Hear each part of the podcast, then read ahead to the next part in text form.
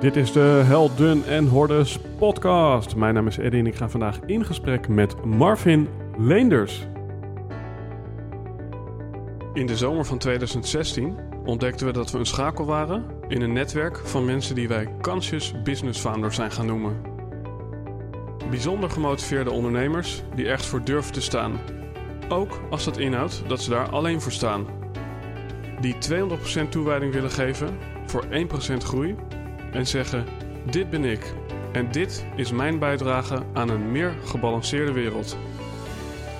Helaas kon je niet bij al deze gesprekken aanwezig zijn. Daarom hebben we die bijzondere verhalen voor je samengebracht in deze podcast.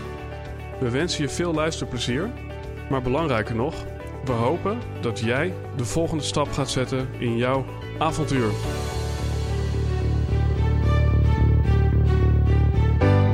Alright, ladies and gentlemen, dit is de Helden en Hordes podcast. En ik zit hier met Marvin Leenders, waar ik heel leuk mee heb samengewerkt. Als je nou zijn website wil zien, www.marvinleenders.nl, dan kan dat door naar www.marvinleenders.nl te gaan. Zo, dat was rare zin. Uh, ja, wie is die Marvin dan eigenlijk helemaal? Hè? Marvin is een ultra personal trainer en helpt mannelijke ondernemers om naast hun succesvolle bedrijf ook lichamelijk te floreren. Dat doet hij door ze te helpen met het creëren van een winstgevende energiebalans. Want hij gelooft namelijk dat veel ondernemers lichamelijk failliet gaan omdat ze structureel meer energie uitgeven dan dat er binnenkomt. Ze runnen hun lijf dus eigenlijk precies het tegenovergestelde van hun bedrijf. Dus tijd voor een florerend lijf en een florerend bedrijf, ladies and gentlemen. Marvin Leenders. Wij zitten hier in de Helden en Hordes podcast. Veilig binnen, terwijl er buiten een dodelijk virus door het land waait.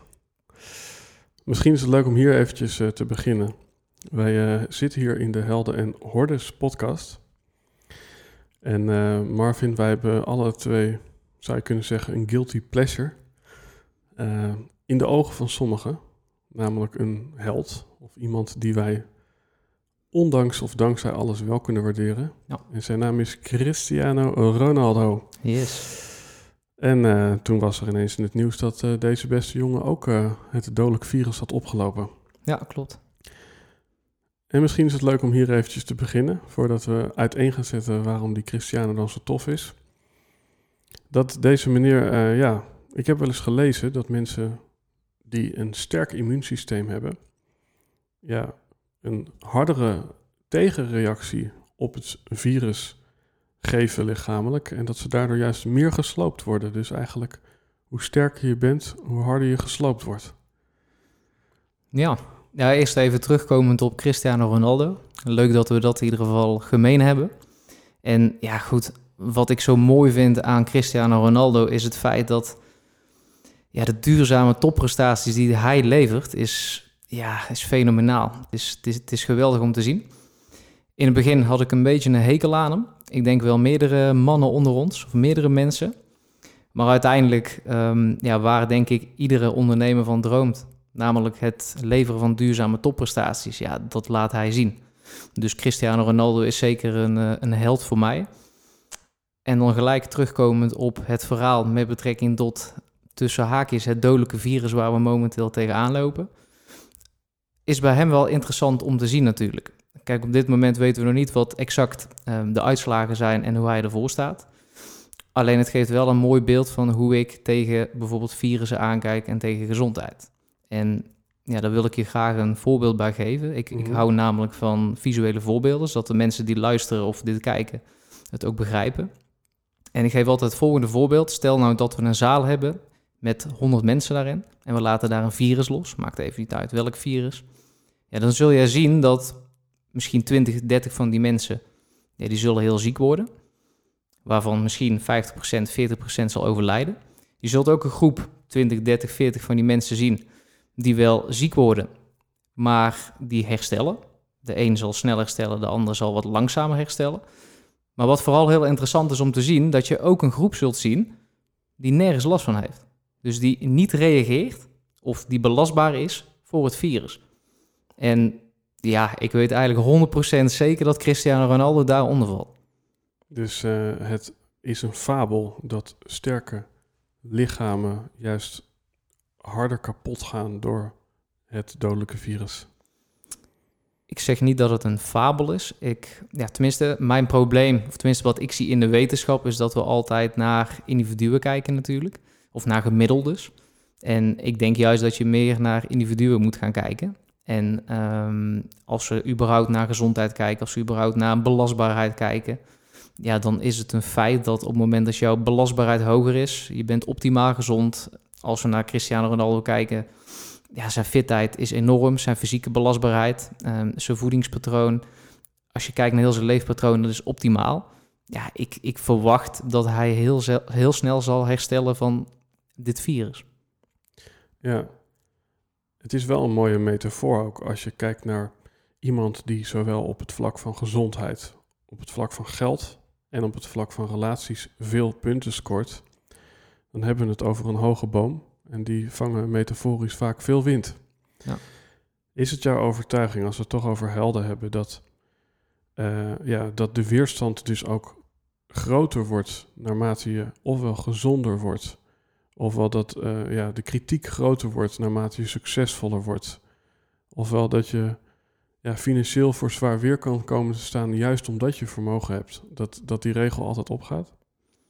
Um, op het gebied van gezondheid denk ik zelf wat minder. Dus ik denk hoe belastbaarder jij bent, hoe sterker jouw gezondheid, ja, hoe minder vatbaar je bent. Alleen waar we het er straks natuurlijk ook over hadden, Ehm, als we kijken naar gezondheid en naar stress, ik denk hoe meer stress jij opzoekt, hoe meer stress je dus, dus zult ervaren, maar ja, ook hoe hoger jouw belastbaarheid uiteindelijk zal, zal worden. Want ja, ik geef meestal aan, tenminste mensen kijken heel negatief vaak naar stress. Ja, goed, van stress ga je dood of van stress word je ziek. Ja. Ik denk juist dat je van stress sterker wordt en ehm, dat we juist meer naar herstel moeten gaan kijken. Ja, Eventjes terug naar, eh, naar, naar onze, onze Ronaldo. ja, hè, hij heeft uh, een hoge mate van weerbaarheid opgebouwd, zou je kunnen stellen. Wat denk je dat de reden is? Uh, en misschien kun je ook terug naar de, de, Marvin van een tijdje terug. Ja. Dat zoveel mensen toch een pleurenstekel aan, aan deze meneer hebben. Nou ja, een leuke opmerking, denk ik. Um, ik had in het begin ook een hekel aan hem. Waarom? Omdat hij natuurlijk veel praatjes had. En um, ja, op het moment dat je daar geen daadjes tegenover stelt, dan wordt het al heel snel gezien als bluffen, um, jezelf overschatten enzovoort. Alleen, ja, wat hij natuurlijk wel enorm heeft laten zien de afgelopen jaren, is dat hij zijn woorden ook zeker nakomt. Dus ja, er is niemand die zo vaak de Champions League heeft gewonnen als Cristiano Ronaldo bijvoorbeeld. En ja, de prestaties die hij laat zien zijn gewoon um, ja, buitenaards.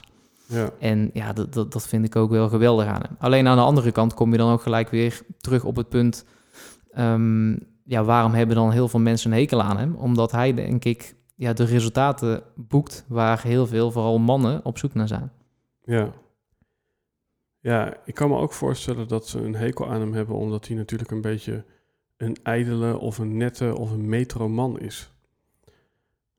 Um, jij bent volgens mij ook iemand die verzorgd is. Ja. Ehm, en ik heb ja, daar ook wel eens met Ralf Moorman over gehad. Het uiterlijk kan ook tegen je gebruikt worden of tegen je werken. Dat je bijna een associatie krijgt van iemand is of heel knap of heel netjes. Of uh, ja, heeft aan de buitenkant zijn zaakjes op orde. Dus van binnen zal het wel uh, oppervlakkig zijn. Ja.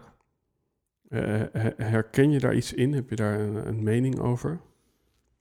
Ik heb daar zeker een mening over. um, ja, ik denk dat we natuurlijk veel naar de buitenkant kijken. Ik denk ook dat die heel belangrijk is. Dus ja, ik zie schoonheid van buiten en de juiste zelfzorg. Ja, ik denk dat dat juist hartstikke goed is.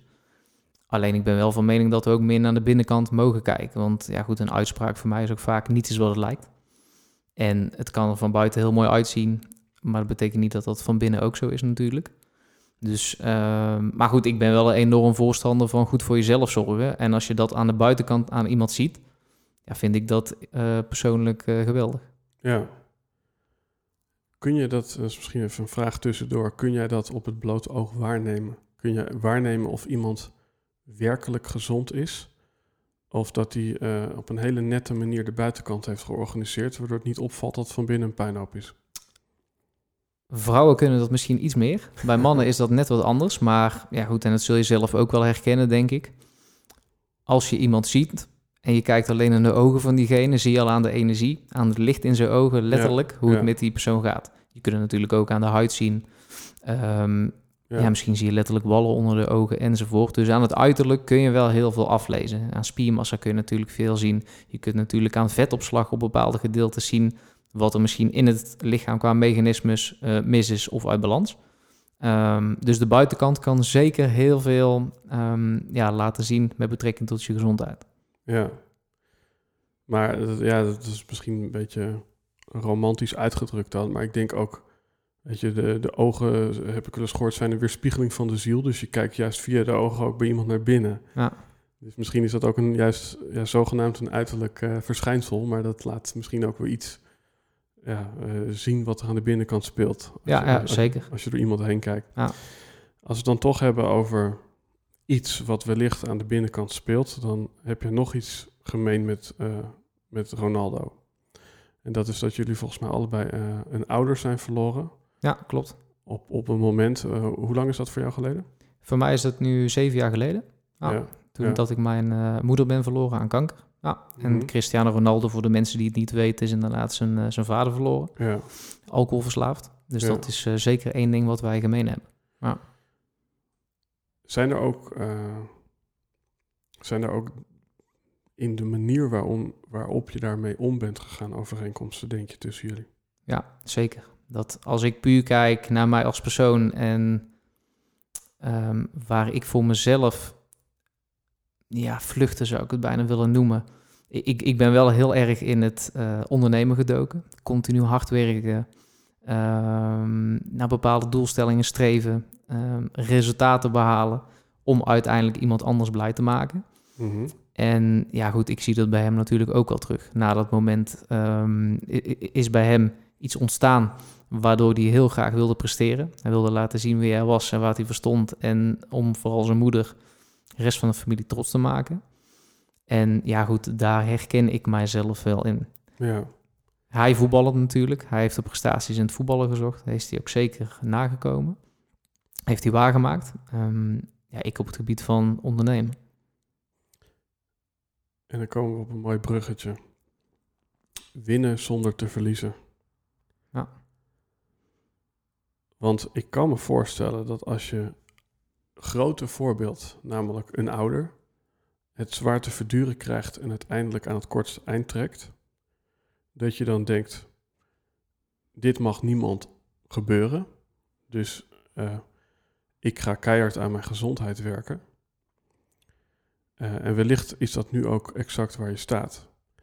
Maar ik kan me voorstellen dat als je beschrijft ja, dat je een soort overcompensatie zocht in het ondernemerschap, om wellicht inderdaad ja, erkenning te krijgen en eh, te zijn voor jezelf en dierbaren, ja. dat dat ook je gezondheid duur kan komen te staan. Zeker. Ja. Hoe is dat gegaan? Nou, ik denk dat je vooral moet focussen op, tenminste uiteindelijk is het een proces. Dat proces heb ik zelf nooit, mee heb, uh, nooit meegemaakt. Ik ken ook niemand in mijn omgeving die dat proces mee heeft gemaakt. Dus ja, je kunt van niemand iets daarin leren. Dus je zult het ja. ook zelf moeten ondervinden zelf de antwoorden moeten zoeken. En um, ja, zo'n zo periode is, is, is super heftig. En mensen die ook een ouder hebben verloren, of ja, iedereen kent wel een familielid die, die zijn kanker zijn verloren of aan een, andere, aan een andere ziekte. Ja, dat is best een heftige periode natuurlijk. En daar betaal je enorme, enorme prijs voor. Um, tenminste, veel naar het ziekenhuis, um, chemotherapie nou, noem het maar op. Ja, dat is best een, uh, tenminste, dat is een hele heftige periode. Vooral je moeder. Mijn moeder ja, was voor mij eigenlijk alles. Hoe, uh, hoe oud was je toen, toen dat uh, allemaal af, Ik was 23. Ik was net 23. Ja. ja. En mijn moeder was net 50 geworden. Ja. En um, in die tijd zou ik naar Amerika gaan om daar voetbaltraining te geven en zelf te voetballen. En net één week voor vertrek ja, zijn we eigenlijk de periode ingegaan dat kanker werd vastgesteld. Dus longkanker, uiteindelijk uitzaaiingen naar het, naar het hoofd. Ja. En ja, wat ik al zei, hele heftige periode. Uiteindelijk met als doel om natuurlijk kanker te overwinnen. En ja, dat is een ziektebed geweest voor ongeveer acht maanden. Waarna mijn moeder uiteindelijk aan een, um, ja, aan de kanker is, eh, is overleden. Ja. Ja. Wat was daarin, ja, dat is misschien een heftige vraag, maar Ja. ik, doe, ik doe het toch. Wat, wat was het meest schrijnende aan die hele periode? Ja, ik denk dat dat de kern van mijn verhaal is. En wat die kern is, is het volgende. Daar gaat het, je krijgt niet, dat klinkt heel hard dat je dat over je eigen moeder zegt. Of ja, goed, ik ben bijna helemaal familie aan kanker verloren. Maar uiteindelijk, ik zeg altijd, ziekte is een keuze. Daarbij zeg ik wel meteen dat dat in deze huidige moderne samenleving dat het niet makkelijk is en dat het niet altijd geldt. Dus ik vind wel aan de andere kant dat we de mensen meer opties moeten bieden om uiteindelijk optimaal gezond te worden. Ehm, maar als ik terugkijk naar die periode van, van mijn moeder, Mhm. waren we wel al jaren bewust, en zij ook, dat er ziekte aan zat te komen. En wat ik daarmee bedoel is, haar leefstijl was slecht. Ze rookte veel, ze dronk veel koffie. Voedingspatroon was verre van optimaal. Weinig beweging. Ehm, nou goed, dat geef je dan ook vaak aan aan je dierbaren. Van goed, misschien moeten we daar stappen in gaan maken, moeten we dat gaan verbeteren. Nou, goed, dat werd niet gedaan. En uiteindelijk ja, betaal je dan de prijs in de zin van kanker. Ja, maar is, Ja. is, is, is dat ook eh, van... ehm, ja, wat, wat, was er in die zin nog wat aan te doen? Bestaat er bijvoorbeeld bij kankerpreventie? Ehm, dus eh, je hebt eh 10, 20 jaar verkeerd geleefd... door Ja. te veel drank, te veel suiker, te veel roken. Ja. Kun, je, kun je dat reversed engineeren? Ik ben, ja, het is zo bijna zeggen 100% van overtuigd, maar officieel wetenschappelijk gezien 95% van overtuigd. Dat dat zeker te voorkomen is. Of dat je daar een hele grote impact op kan hebben door een gezonde leefstijl. Ja, maar dan, maar dan voorkomen klinkt van ik ben het voor. Maar stel nou dat je inderdaad een hele periode slecht hebt geleefd. Ja. Dus je hebt al twintig jaar eh, gerookt. Kun je dan je longen nog herstellen? Ik noem maar wat. Ja, dat wordt natuurlijk een ander verhaal. Vandaar ook winnen zonder verliezen. En ja, wat voor mij daar essentieel in is, en daar wil ik natuurlijk, ja, ik richt me specifiek op, eh, op ondernemers. En daar wil ik ondernemers natuurlijk ook voor behoeden. Is natuurlijk gun ik iedereen een optimale gezondheid. Alleen door hetgeen wat ik meegemaakt heb, heb ik gewoon heel erg gezien dat mensen die hun gezondheid verliezen, ja, die doen er vervolgens alles aan om die gezondheid terug te winnen. Ja, Maar dat is vaak een verloren zaak. En ja, dat is voor mij wel essentieel. Wat, mij, wat ik vooral daar heel erg belangrijk in vind, is... We leven nu de dag, we zijn aan het ondernemen. Je bent met verschillende dingen bezig. Je bent er niet bewust van, je bent er niet mee bezig. Hoeft in principe ook niet. Alleen ik weet op het moment als jij van de dokter te horen krijgt dat het te laat is, dat je ziek bent of wat dan ook. Kijk, dan pas komen mensen in actie en dan willen mensen dus alles op alles zetten om hun verloren gezondheid terug te winnen. Alleen zoals ik al zei, vaak is dat een verloren zaak en is dat niet meer te herwinnen. Ja, en dat is een gemiste kans natuurlijk, want ik weet hoe pijn dat op dat moment doet. Ehm, welke prijs je daarvoor betaalt, maar wat ook impact is op, op je familie bijvoorbeeld, of ehm, op je medewerkers, op je bedrijf. Mhm. Ja, je krijgt dan geen tweede kans meer vaak. Sommigen wel, sommigen hebben het geluk, maar ja, overdeel van de, van de mensen die krijgt gewoon geen tweede kans. ja, En, maar dat is aan de andere kant ook gelijk het lastige natuurlijk. Want ja, wij als mens vinden het lastig om op langere termijn te kijken. Ja, we leven nu. Op het moment dat je een nieuwe slechte keuze maakt, ben je misschien wel moe. Ehm, ja, slaap je misschien wa- wat slechter, ben je wat minder creatief of productief op het werk. Wij zien dat nu niet eens meer als een prijs betalen. Dat is gewoon geworden. Alleen ja, op de langere termijn voel je dat nog niet. mhm. En ja, ik denk dat daar mijn, mijn werk is om ja, dat te voorkomen bij mensen. Ja. Dus eigenlijk gaat het om dingen waarvan we moeten vertrouwen dat het op de lange termijn werkt. Maar op de korte termijn merken we er eigenlijk geen fk van, zeg maar. Ik mag niet schelden, dan Ja. word ik van Apple iTunes gegooid. Ja. Is dat zo? Ik denk zeker dat we op korte termijn echt een prijs betalen. Ja, dus op het moment dat jij ehm, ja, structureel voeding tot je neemt wat niet ehm, gepast is op jouw bloedwaarde, op je DNA, ja, betaal Ja. je daar zeker een prijs voor. In de zin dat je moe bent.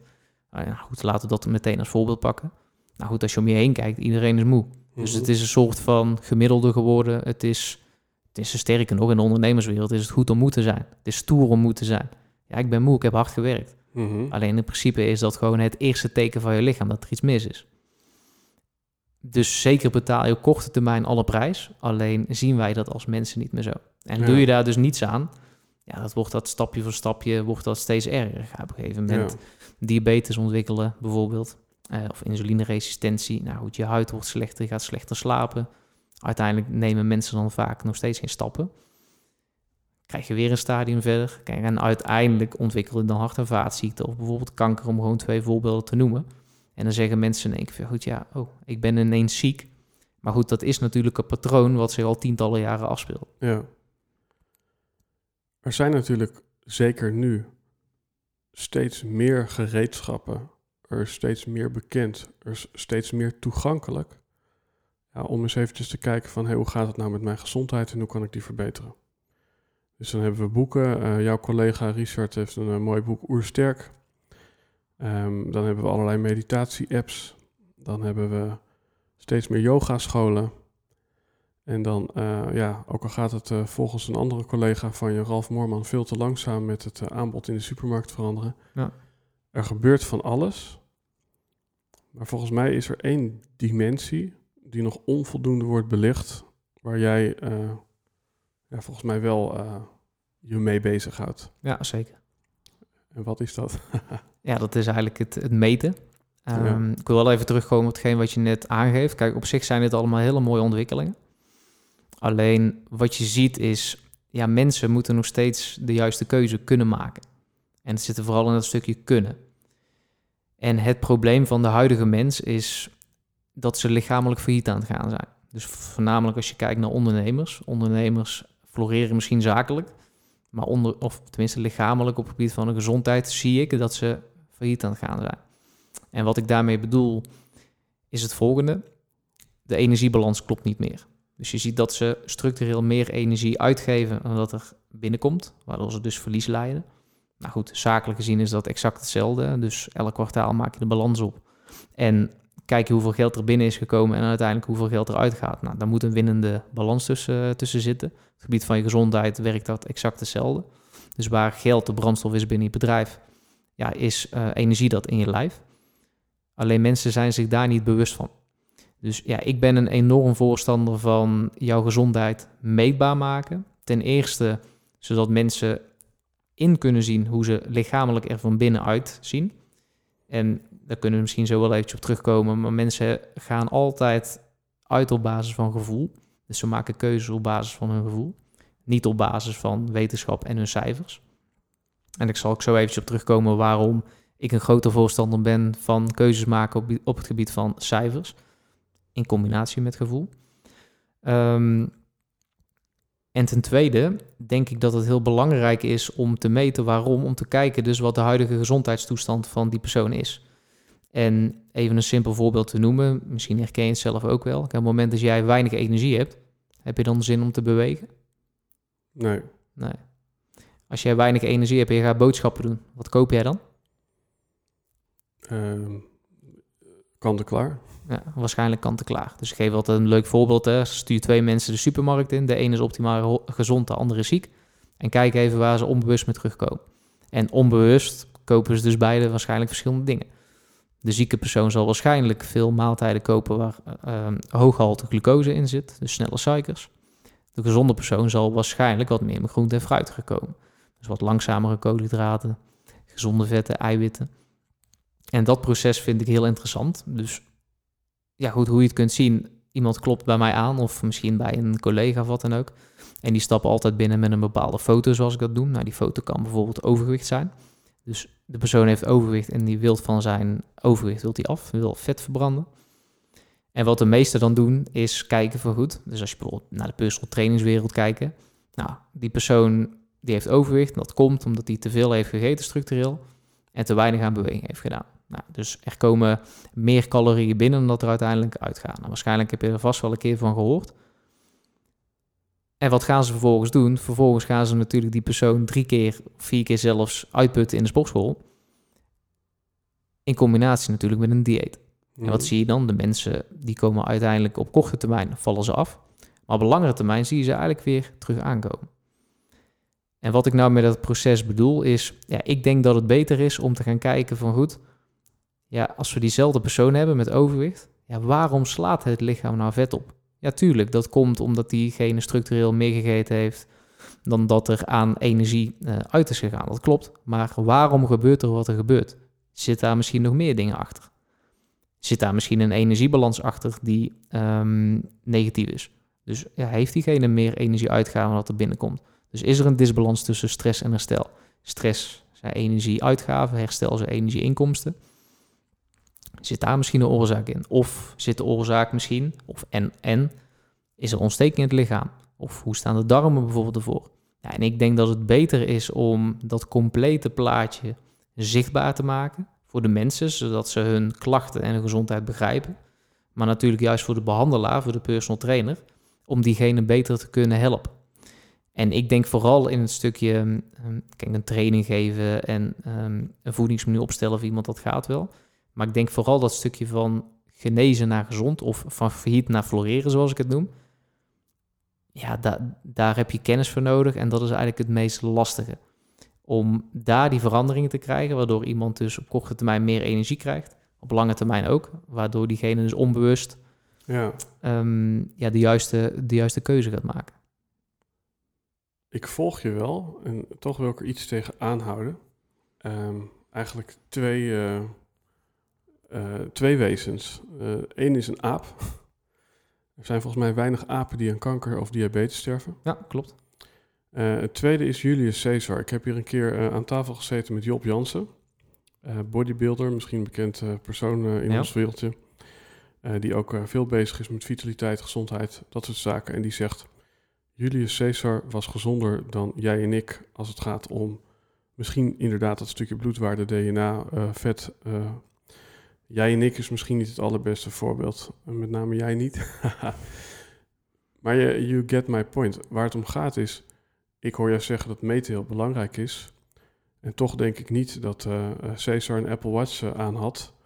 laat staan dat die aap een DNA-test heeft gedaan. Ja, klopt. Dus, dus ja, kan het dus ook zonder meten? Het kan zonder meten. Alleen, ik denk niet in de omgeving van nu. Dus als we kijken naar de aap, ja, die aap, die kan geen verkeerde keuzes maken. Want als we naar de natuur kijken, zijn er alleen maar de juiste keuzes. Dus als we naar voeding kijken, er is alleen maar natuurlijke voeding. Mhm. In onze huidige omgeving zijn er heel veel verschillende andere opties. Dus eerst eventjes die aap, die kan dus geen andere keuze maken. Dus waarschijnlijk zal die ook geen gezondheidsproblemen hebben. Heeft hij wel gezond, gezondheidsproblemen of heeft hij andere problemen, wordt hij daar keihard op afgestraft. Aan de andere kant denk ik, um, als we terugkijken naar het meten, en ik werk voornamelijk, wat ik al aangaf, met ondernemers. Kijk, zakelijk meten we wel. Dus wat een ondernemer vaak doet, tenminste om een winstgevend bedrijf te bouwen, maakt hij elk kwartaal maakt hij de cijfers op. En op basis van die cijfers maken ze een strategie en bouwen ze uiteindelijk een winstgevende business. En ja, ik denk dat daar zit natuurlijk een waarheid in. Dat, dat, dat is een methode die heel erg werkt. Een simpele methode, maar uh, ja, wel een werkende methode. En ja, ik geloof dus als je een florerend lichaam wilt bouwen, met een laag vetpercentage, hoog energie, energieniveau, mooie spiermassa enzovoort, ja, dat je dat dus beter kan doen op meetbaar maatwerk, zoals ik het noem, dus meten. En waarom kun je dat beter doen? Ik denk op het moment dat jij weet waar bij jou de valkuilen liggen en uh, op welke pijlers jij specifiek moet richten, dat je aan de ene kant verantwoordelijk naar je gewenste resultaat kan, maar aan de andere kant ook sneller en effectiever. Ja, maar als ik, als ik kijk naar mijn eigen bedrijf hè, en uit mijn cijfers blijkt nou dat het bijvoorbeeld, uh, ja, dat ik een lagere omzet ga maken dan ik, uh, dan ik leuk zou vinden. Ja, of, of, of nog ja, eh, een vervelender scenario dat ik bepaalde dingen niet meer kan doen in mijn leven omdat ik te weinig uh, winst heb. Ja, dan nog kan ik daar waarschijnlijk naar kijken van, nou ja, huh, oké. En dat is voor mij dan ook een reden om zo'n test gewoon klakkeloos te kunnen laten plaatsvinden. Omdat ik denk van ja, wat de uitkomst ook is, het staat in zekere zin toch van mij af. Terwijl mijn eigen lichaam staat letterlijk en figuurlijk niet van mij af. Kijk, ik ben hypochonder van aard, dus ik zou het heel eng vinden om helemaal door de, de meetmangel te gaan. Om bijvoorbeeld ja, erachter te komen dat ik uh, ja, zoveel procent kans heb op ziekte X. Of erachter te komen dat ik eigenlijk al uh, ja, op dat punt ben gekomen dat, ja, dat ik aan de verliezende kant sta en dat ik het niet meer kan herstellen. Denk je dat dat voor andere ondernemers de reden is dat ze zich niet laten meten op gezondheid en wel business? Of is dat mijn specifieke hypochondrie? Ik denk zeker dat daar een waarheid in zit. Ehm, dan heb je het over prioriteiten. Dus ja, het, klinkt hard, alleen ik denk wel dat de meeste ondernemers meer waarde hechten aan hun, uh, tenminste aan het geld, aan de winst, dan aan hun gezondheid. Ze zeggen natuurlijk andersom. Maar als je naar de realiteit kijkt, dan is dat wel zo. Alleen het meten, ja, ik denk wel dat je dat moet richten op gezondheid. En bijvoorbeeld pre-scan, die heel veel ondernemers gaan naar pre-scan. En uiteindelijk leggen ze daar 1000, 2000 euro neer om zichzelf te laten meten. En aan het einde weet je of je ziek bent of niet. Ja, en dan sta je dan. Voor de rest kun je niets optimaliseren of verbeteren of wat dan ook. Alleen ja, vaak de afwezigheid van ziekte betekent niet dat je gezond bent. Hetzelfde als een gelijkspel geen overwinning is. Dus ja, ik denk wel dat het, net zoals in je bedrijf, enorm belangrijk is om, om, om dat te doen. En waar we net ook al eventjes over hadden. Kijk, je hebt de optie. Het hoeft niet. Alleen ik weet dat als jij keuzes blijft maken en blijft leven op basis van gevoel, dat je waarschijnlijk ergens uit gaat komen waar je niet wil zijn. En nou, dan geef ik je graag een voorbeeld met bijvoorbeeld de trek van de zalm. Ik weet niet of je daar iets, uh, iets van weet of wel eens iets van gehoord hebt. Maar als de, het vrouwtje je zalm... Hebt, je hebt me wel eens iets verteld, maar ja. uh, het gaat even niet om mij. Als de zalm bevrucht is, dan gaan ze altijd terug naar de plek waar ze zelf geboren zijn. Nou, en hoe dat proces verloopt is, nou, ze gaan dus terug naar die plek, tekenen de stroom in, is een topprestatie. En uiteindelijk als ze op die plek aangekomen zijn, nou goed, dat bevalt het vrouwtje. En wat gebeurt er dan met de zalm? Die overlijdt. Ja, en wat is nou eigenlijk het moraal van dit verhaal? Onderweg levert de zalm topprestaties en ja, die voelde zich uitstekend. Dan kun je die topprestaties niet leveren. Maar uiteindelijk als de prestatie geleverd is, dan overlijdt de zalm. En waar overlijdt hij aan? Aan een te hoog aan cortisol. En voor mij is dat verhaal wel leidend. En dat is het stresshormoon. Cortisol is een stresshormoon, dus ja. overlijdt letterlijk aan stress. En voor mij is dat verhaal wel leidend voor hetgeen waarom ik meten zo belangrijk vind. Leidend met een lange ei in dit geval. Leiden met een lange ei, inderdaad. Ja. Omdat ja, het gevoel dus niets zegt over de realiteit. En als ik kijk naar de metingen die ik uitvoer, ik ben mijn eigen wetenschap daarin aan het, aan het opbouwen.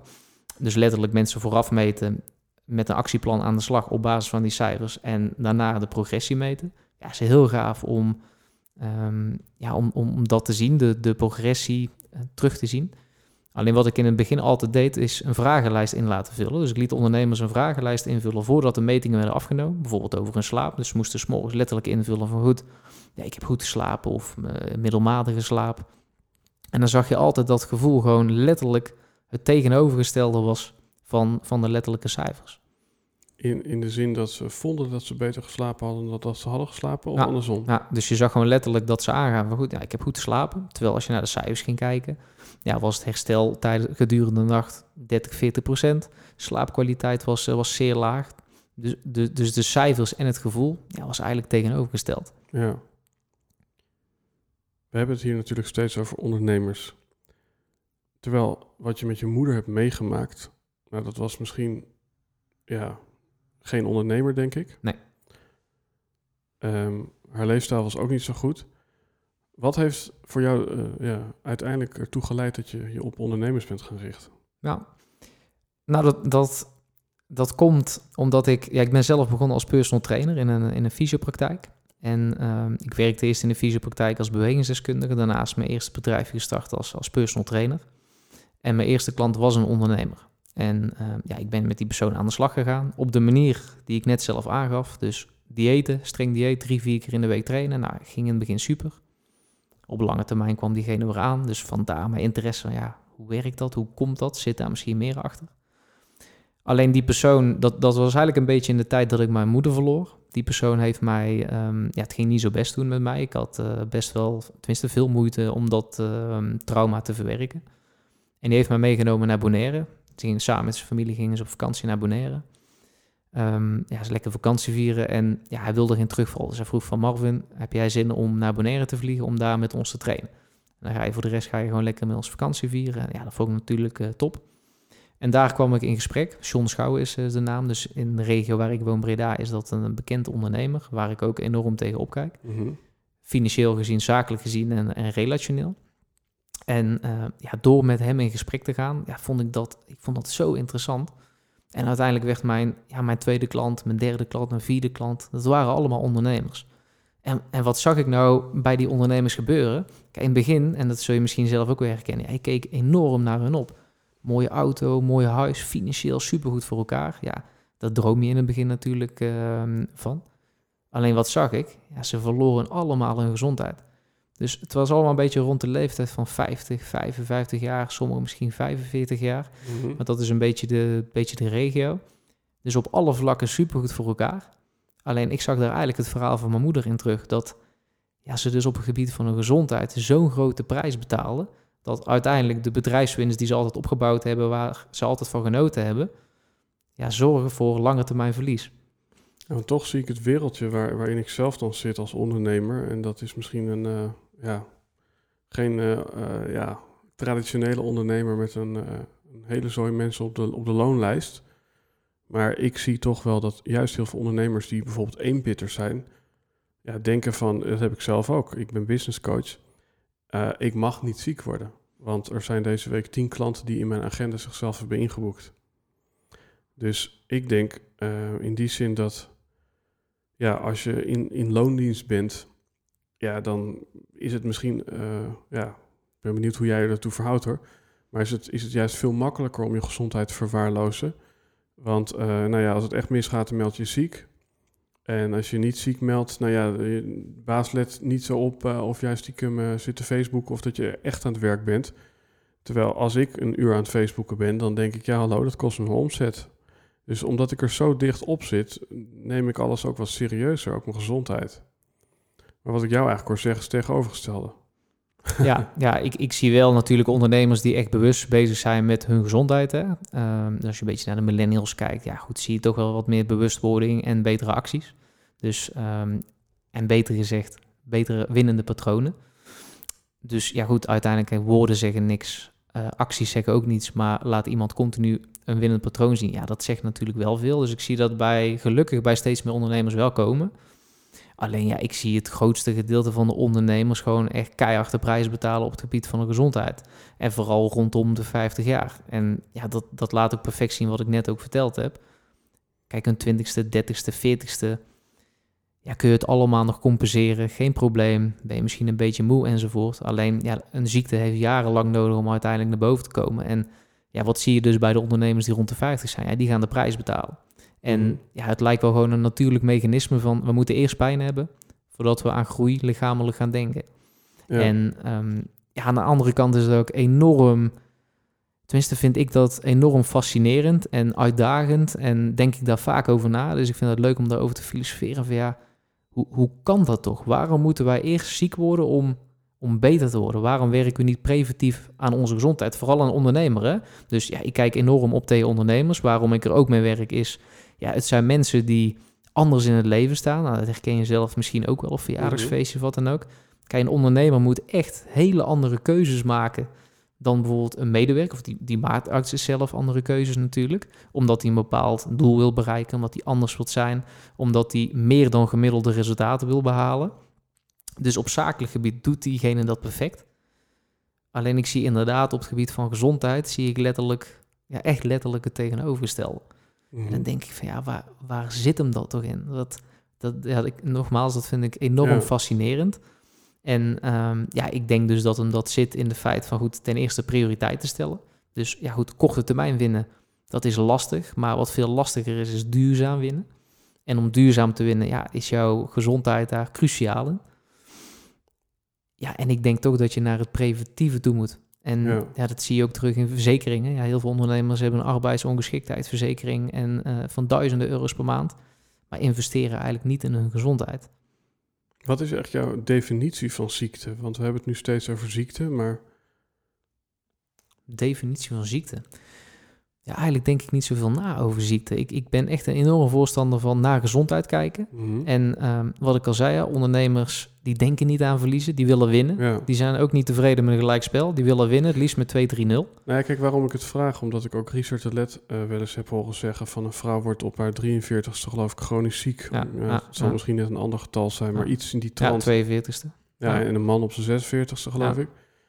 Ja, kijk, eh, ik snap dat als jij een enorme bult op je hoofd hebt, eh, eh, dat blijkt een tumor te zijn, dan kan je zeggen, die persoon heeft kanker. Ja. Maar ehm, ja, van, van waar, waar loopt de lijn tussen chronisch ziek zijn of ehm, ja, gewoon een lage weerstand hebben? Of, Ja. Want op, op, een bepaald moment zeg je dus, u bent chronisch ziek. En wanneer is dat punt? Dat punt zit er meer in de reguliere geneeskunde. Dus ik werk zelf vanuit de eh, alternatieve geneeskunde, vanuit de orthomoleculaire therapie, vanuit de psychoneuroimmunologie. En ja, daar kijken we ten eerste heel anders naar tussen haakjes ziekte, naar voordelen van ziektes. En in de reguliere geneeskunde denk ik dat er meer met hokjes gewerkt wordt. Van goed, ja, we hebben Pietje voor ons en ehm, die geeft dit beeld. Nou goed, je hebt deze ziekte en daar hoort deze medicatie bij. En ja, waar ik juist enorm van af wil, is dus niet kijken naar ziekte, maar kijken naar optimale gezondheid. Ja, hoe kan ik ondernemers nou maximaal laten winnen? Ja, Dat is waar het mij om draait. En dat is zelf bijvoorbeeld een, even een ander voorbeeld hoor, maar dat heeft met bijvoorbeeld voeding te maken. Ja, mensen gaan heel snel de discussie aan van goed, ja, wat is nou wel goed, wat is niet goed. Maar goed, in principe kunnen we die discussie bij ondernemers heel snel mijden. Waarom? Ja, ik wil dat die ondernemer duurzame topprestaties levert, dus we moeten naar optimale voeding kijken. Dus je hoeft niet meer de discussie te hebben dat melk bijvoorbeeld of brood, dat het slecht voor je is. Mhm. Nee, het is niet optimaal voor je. ja. En ik wil juist daar zeg maar de focus op leggen. Hetzelfde als nu met tussen haakjes weer het dodelijke virus, waar we de naam niet van mogen noemen. Ja, haal daar de focus vanaf. Let niet op de stressor, maar focus juist op, op hetgeen waar je wel de impact op hebt. En dat Ja. is je belastbaarheid. Ja. Is winnen hetzelfde als gelukkig zijn? Want ik hoor je een aantal keer zeggen eh, maximaal winnen. Maar ik kan me ook voorstellen dat je dan een leven lang alleen maar bezig bent met het monitoren van je resultaat. Terwijl misschien het echte geluk zit misschien een keertje in, eh, in, in ja, Noord-Hollandse taal naar de get vergaan. Weet Ja. je wel? Gewoon een, een avondje eh, eigenlijk eh, ongepland te laat thuiskomen. een of andere meisje in de kroeg zoenen, een biertje te veel op. En drie, drie jaar later heb je het er nog over van... man, oh man, weet je nog, Ja, wat was dat een belachelijk avondje, maar wat hebben we gelachen. ja. Ja, helemaal mee eens. Maar goed, de definitie van winnen is voor iedereen anders. Hetzelfde als geluk. Ja, En ik denk dat, het, dat dat heel belangrijk is om daar voor jezelf naar te kijken. Want kijk, mijn vrouw en ik, ehm, wij hebben dezelfde achtergrond. Mijn vrouw is osteopaat en mensen zetten ons vaak neer als eh, extremisten op het gebied van leefstijl. Terwijl wij het eigenlijk heel normaal vinden. Maar goed, kijk, wij hebben voor ons echt een duidelijke keuze gemaakt van... ja, dit is wat wij willen bereiken in het leven. Dit is waar we naartoe willen. Daar speelt gezondheid een cruciale rol in, maar ja, ook eh, onze business natuurlijk. En, maar we kiezen ergens voor. En we gaan nu ja, dag in dag uit, wekelijks, de acties toepassen die daarbij horen. Ik denk dat dat heel belangrijk is en ik denk dat de meeste mensen niet kiezen. Even een ander voorbeeld. Ik heb bijvoorbeeld een keer een persoon bij me gehad en dat blijft me altijd bij. Die eh, komt naar mij toe. Ja, Marvin, ik wil van mijn overgewicht af. Nou, top. Alles gemeten, dus de balans opgemaakt, energiebalans, bloedwaarde in kaart gebracht. Nou, zag er verschrikkelijk uit van binnen. Daar moest echt wat aan gedaan worden. En die persoon zei tegen mij: Ja, Marvin, ik wil dit helemaal niet. Want ja, ik wil eigenlijk gewoon feesten. En ja, word ik maar 45, dan vind ik het wel prima. Ik, heb ik word liever 45 en ga jong dood als ik maar een feest heb. Nou, ik heb die persoon een hand gegeven. Ik zei, ja, jij bent niet mijn potentiële klant. We matchen niet op kernwaarden. Mhm. Maar ik respecteer dat prima. Als jij dat wilt, ja. ja, dan denk ik dat je goed bezig bent. Mhm. Maar ja, als jij duurzaam wilt winnen, zoals ik al zei, en daarmee bedoel ik dus ja, relationeel, zakelijk en lichamelijk, dus die drie wedstrijden winnen, ja, hoort daar wel een bepaalde keuze bij, horen daar wel bepaalde acties en Ja. patronen bij. Want ik, ik blijf toch nog even hangen op dat stukje winnen en wedstrijd. Hè, van, ik, ik snap ergens ook wel dat je een bepaalde proactieve, daadkrachtige houding nodig hebt om nou, bepaalde stukken te challengen.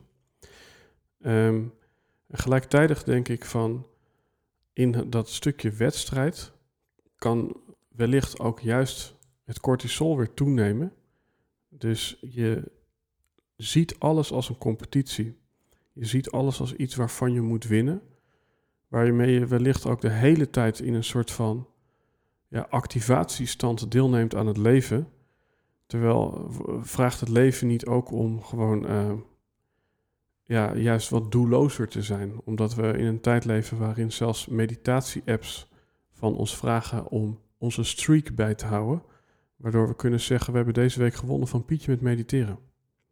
ja, ik denk dat, je de, ja, dat dit hetgene is waar het om gaat. Dus ik denk juist dat de winnende pijler bij ondernemers is herstel. Dus gewoon niets doen. Dus terugkomend op waar we het er straks over hadden, over stress. Ja. Nou goed, hoe zie ik stress? Kijk, stress zijn energieuitgaven. Dat betekent wondjes op je lichaam. Dat betekent gas geven. Dat is hoe jij stress kan zien. Ja, dus we hebben een autonoom zenuwstelsel in ons, ons lichaam. Wat bijvoorbeeld jouw ademhaling reguleert. Die zuurtegraad, bloeddruk enzovoort. Enorm belangrijk um, ja, om überhaupt te leven. En daar heb je twee takken in. Aan de ene kant hebben we onze parasympathicus. Aan de andere kant hebben we onze sympathicus. Nou, misschien wel eens van gehoord. De parasympathicus is onze herstelmodus en onze sympathicus is onze stressmodus. Dus kortom, stress, energie, uitgaven, herstel, energie, inkomsten. En het is juist belangrijk om daar een winnende balans in te hebben. En wat is een winnende balans? Dat betekent dat 30% van je dag uit hoogwaardige kwaliteit herstel moet bestaan. En in principe wat je net aangeeft, daar zie ik het ook precies misgaan. Want wij denken vaak dat stress het probleem is. Hè? Ondernemers hebben te veel um, energieuitgaven. Ze staan te veel aan, ze zijn te veel gas aan het geven. Maar dat klopt niet. En dat kan ik je zeggen door ja, tientallen, honderden mensen, uh, ondernemers gemeten te hebben op energie op basis van stress en herstel.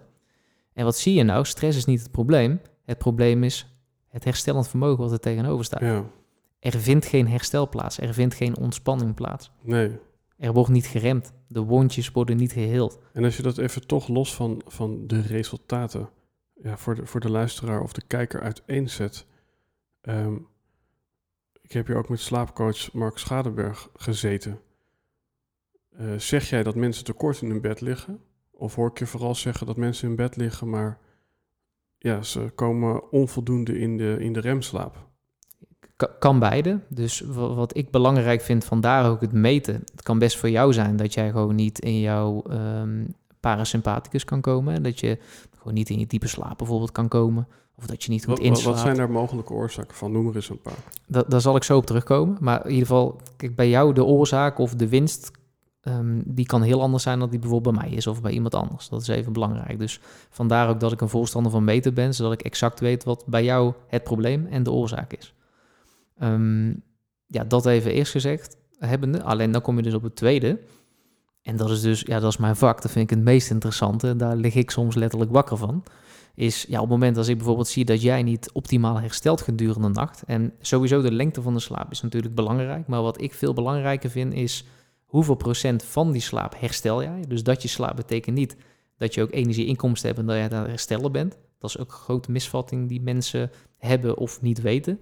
En wat het allerbelangrijkste is, is jouw slaapkwaliteit. Dus daar moet je een goede verhouding tussen hebben. Verloopt dat bij een persoon niet goed, ja, dan moet je natuurlijk gaan kijken van ja, wat is daar de oorzaak van? Waarom, hetzelfde voorbeeld als wat ik gegeven bij de persoon met overwicht, ja, waarom slaat die persoon vet op? Wat is daar misschien het voordeel van? Op het moment dat jij s'nachts om drie uur wakker wordt, structureel, ja, waarom gebeurt dat? Of waarom slaap jij niet in? Waarom is jouw slaapkwaliteit zo laag? Zal daar een oorzaak achter zitten.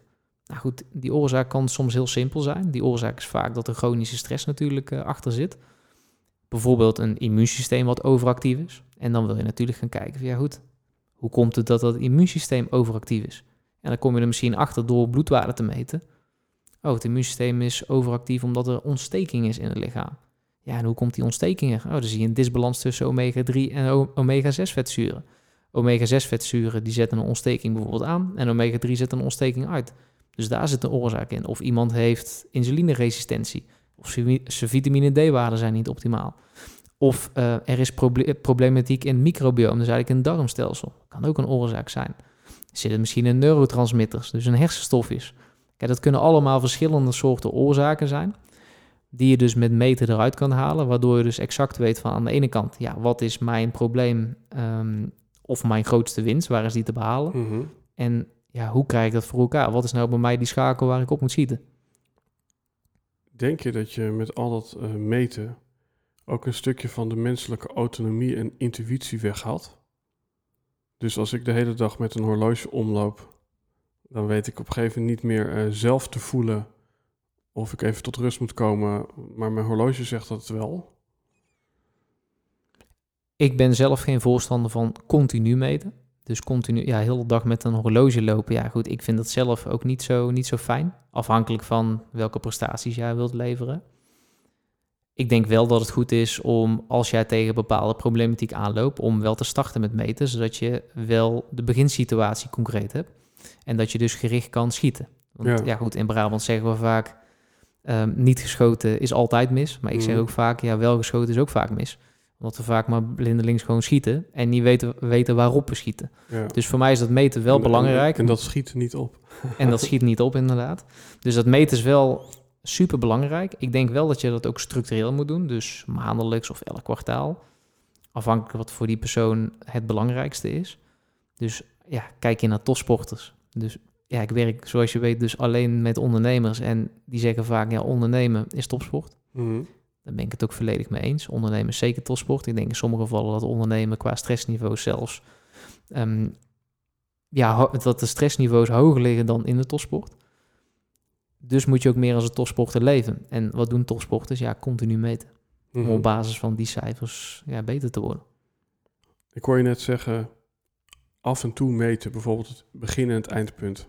Uh, nou, vind ik uh, al inspirerend als je dat zo brengt. Ik denk, ja, en waarom vind ik dat inspirerend? Omdat het misschien ook wel een antwoord is op een groter uh, probleem. Dat is namelijk het constant aanstaan.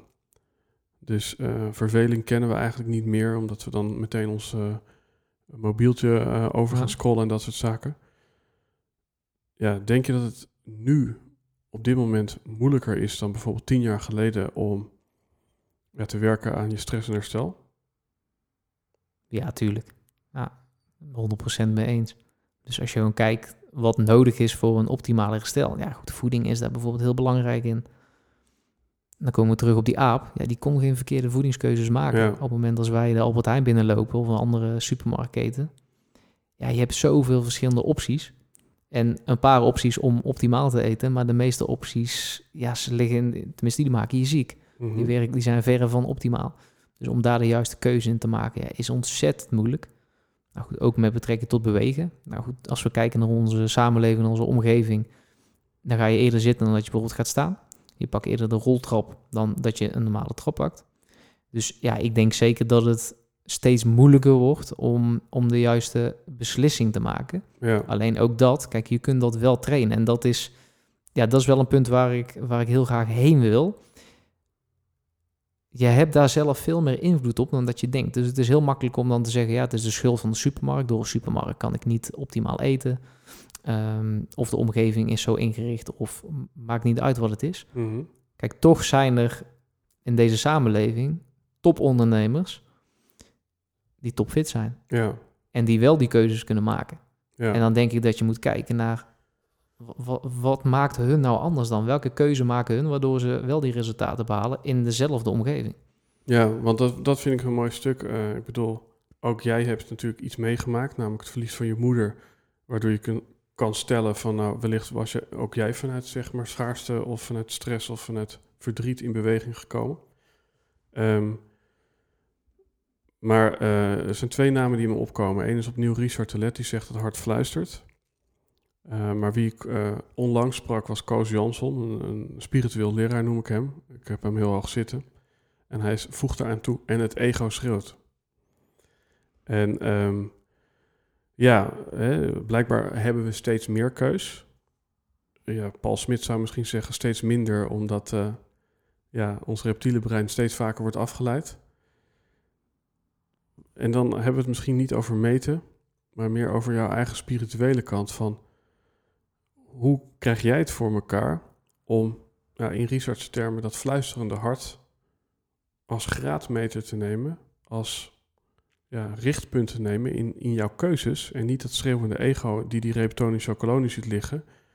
Uh, of uh, ja, die ene vriend die zegt, nou laten we vanavond toch maar een beetje ja. te veel doen. Ja, voor mij zit dat in het punt dat jij, als jij bewust bent, bewust bezig bent met je leefstijl, maak je onbewust de juiste keuze. Daar geloof ik heel erg in. Dus zeker spiritueel, psyche. Ja, ik, ik vind dat wel een heel mooi, heel mooi gebied. Mijn vrouw is er heel veel mee bezig. Ik werk ook samen met, um, ja, met Jan en Joop uh, van het bedrijf Clear Minds. Die, die zijn daar heel erg op gericht. Ik vind hun daar veel beter in dan dat ik dat bijvoorbeeld ben. Ehm, maar ik denk wel wat je aangeeft dat dat, ja, dat dat klopt. Het is heel belangrijk om op basis van gevoel bepaalde keuzes te maken. Dat kan ook zeker. Dus als we terugkijken naar die aap, ja, die zal op basis van gevoel vaak de juiste beslissingen nemen. Omdat hij dat continu traint. En omdat hij bewust bezig is met zijn leven, met zijn leefstijl, waardoor hij dus onbewust de juiste keuze kan maken. En ik denk dat vooral dat, dat stukje heel erg onderbelicht is. Ehm, soms zelfs misschien overschat, de andere kant. Dat, vooral dat onderbewust, dat is zo belangrijk. En ik geloof dat dat heel erg in relatie is met je energiebalans. Dus het Mhm. voorbeeldje wat ik je net al gaf. Zet een gezond iemand in de supermarkt of een ziek iemand. Die zullen beide een andere keuze maken. Ja, maar het is ergens een soort kip-ei verhaal, want je bent niet gezond. Dus je maakt geen gezonde keuzes, dus je moet ergens Ja. dat patroon doorbreken. Ja, zeker. En dat doorbreekmoment, dat is dan bij sommige mensen ernstig ziek zijn. Maar wat zou je mensen willen adviseren die ja, vanuit een soort waakzaamheid, vanuit een soort zuiver bewustzijn, in ieder geval die eerste goede keuze maken? En dat is bijvoorbeeld die keuze, ik wil nu winnen op alle fronten. Of de keuze, ehm, ik ga nu eh, ja, bewuster leven, waardoor ik onbewust betere keuzes maak. Of de keuze, ik ga mezelf nu laten meten om preventief in plaats van symptoom Ja. bestrijdend te werk te gaan. Ja. Ja, ik, ik zou altijd voor het laatste kiezen. Dus begin bij het meten. Kijk hoe jij er lichamelijk voor staat. Met een heel breed perspectief. Van bloedwaarde tot herstel, ehm, tot omega-3 waarde, tot slaapkwaliteit enzovoort. Om precies te kunnen zien waar bij jou de winst te pakken is. En dat kan best zijn dat dat bij jou op het stukje I is, op het immunologische. Dus dat we het immuunsysteem moeten versterken. Maar het kan bijvoorbeeld ook bij jou zo zijn dat dat in een stukje psyche zit. Dat daar jouw winst te halen is. Ja, Dus ik geloof heel erg in dat ultra-persoonlijke, zoals ik het noem. Ik noem mezelf Mhm. ook een ultra-personal trainer. Dus ik denk dat dat ja, een goede eerste, eerste stap is. Ik kan me voorstellen, sorry ik je onderbreek, dat, dat ultra-personal bij de luisteraar dan ook eh, een soort van ultra-unpersonal kan overkomen. Want eh, je gaat naar Marvin en er komt een computertje bij en die zegt het computertje... Hey, eh, Marvin is even op de wc, maar ik ga het even van je overnemen. Ja. Marvin, dit, is je, dit is je uitslag, dit is je leven. Ja, ja, dat is het absoluut niet. Want ik combineer het natuurlijk wel met het, met het stukje... Ja goed, het is ultra-persoonlijk in de ruimste zin van het woord. Dus het betekent ook ja, geen één-op-één begeleiding, maar twee-op-één begeleiding. Dus ook ultra-personal. Betekent dat je bij mij thuis komt of ik kom zelfs bij iemand thuis. Dat is ook ultra-personal. Maar het is ook zo ultra-persoonlijk dat ik letterlijk in je bloedwaarde en al ga kijken om je gezondheid te verbeteren. Dus in de breedste Mhm. zin van het woord ja, is het ultra-persoonlijk. En ik zeg ook vaak, personal training is vaak niet zo persoonlijk als je denkt. Ja, ja want dat is eh, misschien ook nog even een, een tak die we nog even kunnen nemen van... Een heleboel mensen die doen nu al iets aan sport, eh, wat hun ouders wellicht niet deden. Doen iets aan meditatie, wat hun opa en oma ja, abracadabra vonden. Ehm, maar daarin kan volgens mij, als ik jou goed begrijp, zelfs schade worden aangericht. Klopt. En hoe gaat dat in zijn werk? Laat ik de ondernemer weer als voorbeeld pakken. Kijk, ondernemers zijn dagelijks natuurlijk keihard aan het werk in hun business. En zijn eigenlijk langzaam aan het opbranden vaak. Omdat ze daarnaast het niet compenseren met hun gezondheid. Nou goed, op een gegeven moment gaan ze dus die prijs betalen. Gaan ze met een personal trainer aan de slag. En wat doet de personal trainer? Even kort gezegd, ja, die gaat twee, drie, vier keer in de week gaat die, die ondernemer uitputten. Terwijl die aan het opbranden is. Dus de ondernemer is nog steeds, tenminste, die is nog harder onderweg naar een lichamelijk faillissement als eerst. Ja. Ik denk dat je dus eerst een stap terug moet nemen en eerst de energiebalans moet herstellen en zorgen dat alle lichamelijke cijfers op orde zijn. En ga vervolgens naar die personal trainer om jezelf uit te laten putten, want dan heb je een hele andere context, een hele andere situatie. Dus ik denk in heel veel gevallen dat, ja, dat je juist geld betaalt om jezelf kapot te laten maken. Dus in de personal trainingswereld, wat je bijvoorbeeld ook ziet, is ja, bijna alle ondernemers die ik meet zijn van binnen ontstoken. De ene meer dan de ander, maar een laaggradige ontsteking zie je heel veel terugkomen. Ga je dus met een personal trainer aan de slag, dan ben je dus letterlijk tijdens de training de aderen van binnen aan het kapot aan het maken. Ja, dat is een beetje zonde om 500 euro in de maand te betalen om je aderen van binnen kapot te laten maken. Ja. Hoe, hoe gezond ben je zelf en hoe vaak meet jij jezelf? Ik meet mezelf structureel. Ik, ehm, ik ben altijd heel gezond geweest. In de periode van mijn moeder, weet ik ook, ben ik wat minder eh, gezond geweest. Was je, was je toen al aan het meten? Toen was ik aan het meten. Ja, klopt. Niet zo intensief als nu, maar ik was wel aan het meten. Alleen ik denk ook... Ik heb zelf topsport eh, beoefend. Tenminste, ik heb bij NAC gespeeld. In hoeverre dat nog topsport is. Maar ik heb daar wel heel goed mijn lichaam leren kennen. Dus op basis van gevoel kan ik echt wel Ja, wat ja, dingen ja. zeggen. Ehm, in de periode van mijn moeder ben ik wel ziek geweest. Gewoon puur. En dat is ook interessant natuurlijk. Hè, van aard dat ik de psyche ook interessant vind. Van, ja, goed, mijn voedingspatroon was top. Trainen was top. Alles was top. Maar goed, de trauma kon ik niet verwerken. En die sloeg ik op, waardoor ik toch wel ziek werd. En wat is dan even ziek? Had je, had je een ziekte of was je Ja, nee, ziek zijn. Laat ik zeggen, eh, gezondheid was afwezig. Dus niet, niet ziek, maar gewoon oververmoeid.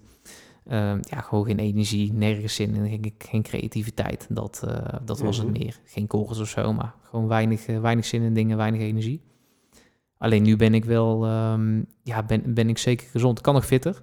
Alleen Mhm. ik ben, als ik puur naar mijn eigen cijfers kijk, zijn mijn cijfers tipt op in orde. Ja. Ja. ja. En geeft dat enige garantie? Of zit er alsnog ergens een, eh, een soort van black box en dat jij toch ineens eruit kan klappen met iets onvoorstelbaars? Kan. Maar de kans is een stuk kleiner. En mijn kans op kanker is waarschijnlijk veel groter dan jouw kans op kanker. Door ehm, familiair natuurlijk, genetisch gezien. Alleen, ja, nogmaals, ik geloof heel erg in dat, ja, dat dat niet naar buiten hoeft te komen. En dat je leefstijl daar de grootste impact op heeft. Ja. En ja, daar heb ik dus invloed op. Daar probeer ik het maximale eruit te halen.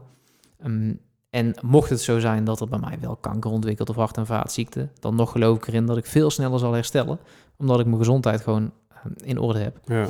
En ja, dat is het enige wat ik kan doen. Ik ben daar voor de rest ook helemaal niet bang voor. Lekker relaxed onder. Mhm. En ehm, ja, vooral focus op hetgeen waar je wel impact op kan maken. Je gaat samen met jouw vrouw, moet ik zeggen, volgens mij op Ibiza wonen. Ja, Even, even tussen jou en mij over tussen jou en haar. Is het eh, eh, ja, zo gegroeid dat jullie allebei deze interesse hadden? Of hadden jullie een gemeenschappelijk vertrekpunt in de zin van allebei iets ergs meegemaakt? Waar zit, waar- waardoor is er bij haar zo'n stuk interesse? Op het gebied van gezondheid bedoel je of Ibiza? Eh, laten we beginnen bij de gezondheid. Dat, de was, gezondheid. dat was mijn vraag. Ja. I- In principe hebben we beide ehm, hetzelfde patroon, eh, of tenminste hetzelfde meegemaakt, in de zin van dat we zelf gezondheidsproblemen ehm, hadden.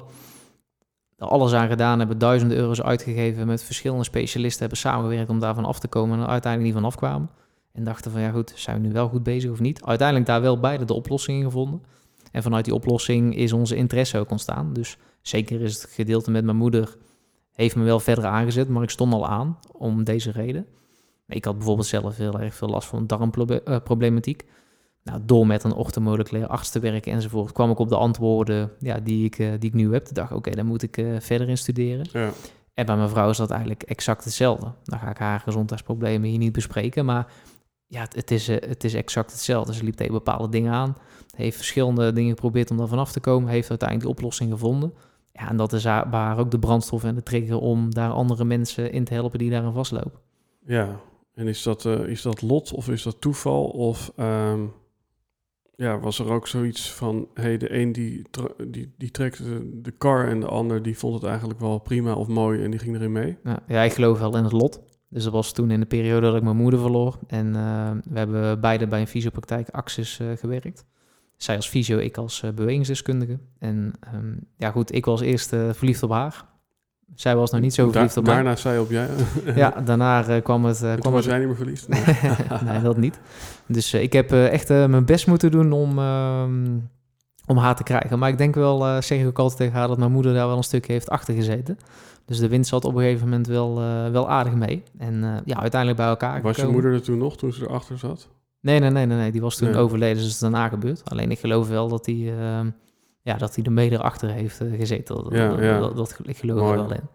Gelo- geloof jij in die zin ook in, naast al het meten, in een stukje, nou ja, dat je moeder hier nog is bijvoorbeeld? Ja, zeker, zeker. En het is wel een stuk wat ik enorm ontwikkeld heb hoor. Dus eh, Ja. ik, ben- ik ben zelf wel, ja, zoals je al merken, van het meten, van het fysieke. En ehm, kijk, als je het hebt over geest en spiritualiteit en zo, dat is voor mij niet tastbaar. Dus ik had er in het begin- wel moeite mee. Ik denk, ja, het moet wel tastbaar zijn. Totdat ik, en ik, ik heb wel altijd die open mindset gehad. Hè? Dus ik zeg niet dat het er niet is, maar ik wil het zelf wel eerst even ervaren. Ja. En ehm, ja, na het overlijden van mijn moeder heb ik met, tenminste heb ik een paar keer contact gehad met mijn moeder. Met eh, ja, een man die er ons mee heeft eh, geholpen. Ja, en daarin heb ik wel gezien, letterlijk zelf ervaren, dat, dat je con- contact kunt maken. En uh, ja, nu ik het zeg, krijg ik er nog steeds kippen ja, van. Ja, dat, dat bestaat gewoon. Er is zoveel meer en, en, dat is zo interessant. Wat, wat ik hier ook bijzonder aan vind, hè, is het is net alsof er nu even een luikje open gaat. Uh, zo, tegen het einde van dit gesprek. waarin dus ook nog eigenlijk ja, een gepassioneerd man over spiritualiteit, zingeving, in die categorie ben jij eigenlijk ook volop aanwezig. Alleen wat ik interessant vind is dat het dus een klepje uh, is wat, wat open gaat. Nou ja, ik kan bijna willen zeggen, op dat stuk ben je het best bewaarde geheim van Nederland. Dat dat er ook nog uh, in zit, zeg maar. Omdat ik kan me voorstellen als je uitkomt in een wereld waarin misschien ook heel veel spirituele coaches zijn, hè, met, met een verhaal over meten en weten en verbeteren. Maar ik, ik, uh, zelf zou dat soort van ja, vind ik dat kleurrijk, dat, je daarin toch een soort best of both worlds bent. Ja. Alleen de, de, de, er, zit iets mysterieus in dat dat, dat, dat misschien niet meteen uh, ja, zichtbaar is in je, in je propositie. Ja, ja maar het, is ook een, um, ja, de mooie dingen van beide kanten uh, eruit halen. Dat is hetzelfde als reguliere en alternatieve geneeskunde. Ze doen, beide doen ze iets hartstikke moois. En ook dingen die beter kunnen, maar haal het mooie eruit. Ken ik bijvoorbeeld de personal training, dan daar heb ik vaak wel een andere meningen over. Maar goed, wat ze goed doen, ze zijn wel een stok achter de deur. Ja, pik dat goede eruit en combineer dat met een, um, ja, een genezer uit de alternatieve geneeskunde. Die misschien niet die stok achter de deur is en die kennis heeft. En ik denk dat je zo heel veel dingen kunt combineren. Hetzelfde als het meten met spiritualiteit. Ja, ik denk dat dat die combi heel is, dit stuk, is. is dit stukje uh, te intiem of te persoonlijk om, om te communiceren? Of is het niet een soort van bewust uh, dat je wat je net zegt over je moeder en het contact wat je daarmee gehad hebt, is dat een stukje wat je expres een beetje uit de, ja, uit de propositie houdt? Um, nee, zeker niet. Ik denk als je naar mijn website kijkt en je kijkt het stukje over Marvin, dat daar, ja. daar staat een prachtig verhaal wat ik zelf geschreven heb. Ja. En ja, op het moment dat ik het uh, aan het schrijven was, uh, ja, kreeg ik gewoon letterlijk tranen in mijn ogen. Dan, mm. kwam e emotioneel echt iets los. Dus dat is wel iets wat ja, wat, wat er zeker staat. Ja. Maar de andere kant, en dat is bijvoorbeeld ook hetzelfde met Facebook of Instagram. Ja, ik ben wel ja, een persoon die graag dat soort dingen voor zichzelf houdt. Ja. Dus de mensen die echt om mij heen staan, ja, die weten alles van mij. Daar ben ik heel erg open tegen. Ja. ja, de mensen die nog wat buitenaf staan, ja, die, die hou ik in het begin ook liever ja. onbewust hè, buitenaf. Wat natuurlijk uh, redelijk uh, paradoxaal is in een podcast met zoveel duizenden luisteraars. Ja, ja. Ehm, ja, ik, um, ik kijk uh, op de klok. Uh, we hebben geen vaste eindtijd, maar ik, ja, ik zou het mooi vinden om, om, om met jou naar een afronding te gaan. En dan vooral op het stuk, uh, ja, wat ik vaker mensen vraag is... voor iedereen die s ochtends om, om acht of negen uur, zeg maar, in de file staat naar zijn werk... en jij zou daar een groot billboard mogen vullen met één boodschap, wat zou erop staan... Maar goed, aangezien we in een tweede lockdown zitten, is het misschien niet zozeer een billboard langs de weg... Maar is het uh, eerder een, uh, ja, een banner op een, uh, op, op een tv die je ochtends aanzet als je je bed uitrolt? Maar welke boodschap zou je iedereen die deze gekke tijd s ochtends opstaat willen meegeven vanuit jouw inzicht en ervaring? Oeh, dat is een leuke. Ik heb meerdere dingen in gedachten. Maar waar ik meer naar neig is, ehm, ik denk dat het een beeld zou zijn van een man of vrouw die een, die een zwaar gewicht probeert op te pakken. Met de tekst erbij pas aan of ga dood. Zo. En ik denk dat dat mooi past bij het, uh, bij het huidige verhaal, met het, met het virus wat we hebben of met de stress die we te maken hebben. En ik geloof daar oprecht in. Even als voorbeeld pakken, stel dat we weer die zaal hebben met 100 mensen of met 10 mensen en ik leg daar een gewicht van 100 kilo neer. En ik zeg, nou goed, pak hem maar op. Dan zullen er ook weer mensen bij zijn die proberen in beweging te krijgen. Die krijgen geen bewegingen. Zullen mensen zijn die pakken hem op. En er zullen altijd weer mensen bij zijn die hem boven de hoofd uitstrekken. En moreel van het verhaal is, jij hebt zelf invloed op of jij de stress kunt dragen of niet. Ja. En je hebt twee opties, er is geen tussenweg. Of je past aan aan de huidige samenleving, aan virussen enzovoort en je floreert. Ja, of je past jezelf niet aan, je ontwikkelt jezelf niet, je groeit niet, je gaat failliet. Ja, je betaalt de prijs en je verliest. Ja. En daar zit natuurlijk iets paradoxaals om dan toch nog eh, een voetnoot te maken bij, uh, bij de thematiek van vandaag dat ik je eigenlijk hoor zeggen van ja, aanpassen betekent ook uh, interacteren met wat er aan de hand is. En op het moment dat je alleen thuis zit, dan interacteer je niet met het virus. kun je er ook niet uh, weerbaar uh, toe verhouden.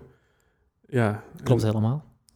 ja, de, de, de zoek, zoek de stress juist op in plaats van van de stress weg te gaan. En pak zelf die verantwoordelijkheid. Dus als we kijken naar mondkapjes. Ja, goed, dat houdt in dat ik, tenminste het verhaal erachter is dat ik um, een mondkapje moet dragen om jou te beschermen. Alleen ik denk, ja, iedereen is verantwoordelijk voor zijn of haar gezondheid. Je zorg voor jezelf. Als iedereen voor zichzelf zorgt, kun je beter voor anderen zorgen. Zelfs zoals bijvoorbeeld in het vliegtuig altijd uitleggen. Eerst bij jezelf zuurstofmasker op voordat je het aan je kinderen of, of ehm, aan je man geeft of vrouw. Ja, daar geloof ik heel, heel erg in. Zelf die verantwoordelijkheid pakken. Jezelf aanpassen, jezelf blijven groeien. Um, ja, en dat zorgt er uiteindelijk voor dat je gaat floreren en um, ja, gaat winnen. Mooi man, mooi gesprek. Um, ja, wij hebben natuurlijk samengewerkt. We hebben samengewerkt aan jouw verhaal. Uh, de website staat sinds vandaag online, of sinds gisteren, ik weet het eigenlijk niet. Ja, sinds vandaag. Eindelijk. Uh, op het moment dat mensen deze aflevering luisteren, zijn we een aantal weken verder. Gezien de, de, nogal volle podcastplanning ja. van de uh, afgelopen tijd. Is er dan één plek waar je mensen in het bijzonder naar wil verwijzen? Ik kan me voorstellen dat dat die website is. Nou, ja, ik zou ze graag door willen verwijzen naar uh, www.marveleners.nl. Dat is mijn, uh, mijn nieuwe website. En ja, goed, ze kunnen me altijd uh, volgen op, uh, op Instagram als, dat, uh, als ze dat natuurlijk hebben. Op dit moment zeg ik eerlijk bij dat ik nog puur gebruik voor vakantiefoto's en kijken in het persoonlijke leven. Mm -hmm. Alleen, ja goed, ik heb ook deels met jou afgesproken dat ik daar wat meer zakelijke content ga plaatsen. Dus ja goed, wil je wat meer over mij als persoon weten en, en gratis tips krijgen, dan zou ik zeggen neem een kijkje op mijn Instagram pagina voor mensen waarbij een buik harder groeit dan een business. Maar volgens mij is dat niet je enige doelgroep. Nee, klopt, klopt. Zeker niet voor de, dit soort content, denk ik. Nee. Um, dus uh, many thanks. Um, ja, ik zal alle andere informatie over jou in de show note van deze podcast vermelden. Dan kijk ik eventjes in de camera en dan zeg ik tegen de luisteraar... Als je over deze aflevering wil meepraten via onze kanalen... dan is dat hashtag Helden en Hordes op Instagram, Twitter, Facebook... Of laat een mooie comment achter op YouTube. Als je Marvin close and personal wil spreken, check even de show notes, want daar staan zijn contactgegevens. Um, ja, als je deze aflevering op audio hebt gekeken, hij staat dus ook op video en andersom. Op Spotify, iTunes, www.horus.nl, YouTube en waar allemaal meer niet. Uh, dus voor de luisteraar tot de volgende aflevering. Voor jou Marvin, leuk om jou in mijn leven te hebben. Leuk om jou uh, ja, te he hebben mogen begeleid. Hele, Insgelijks. Ra rare zin. Um, ja, en dan uh, zijn we waarschijnlijk nog niet van elkaar af. En ze luisteren ook nog niet van Marvin af naar het mooie verhaal. Dus dan rond ik hem hiermee af. Dankjewel. En tot de volgende aflevering. Hartstikke bedankt. Graag gedaan man.